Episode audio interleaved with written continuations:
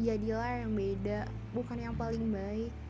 Mungkin udah banyak dari mereka yang piawai akan kepintaran mereka. Itu adalah hal yang biasa, tetapi jadilah yang berbeda, terasa unik tapi asyik. Untuk mereka yang berbisik, bahwa semua mungkin selalu menuai kritik. Akankah itu berakhir sampai titik? Cukuplah menarik, sehingga mereka melirik karena menggelitik. Yang paling beda terkadang bebas menjadi eksplorasi yang menciptakan sensasi tanpa disadari. Dengan itu kita bisa berkreasi. Tak ada batasan untuk revisi selama kita ingin berani unjuk diri. Di situlah citra diri, berbeda dari yang lain sampai tidak ada yang menyamai. Ketemukan jati diri tentang mereka yang ingin mengembangkan diri.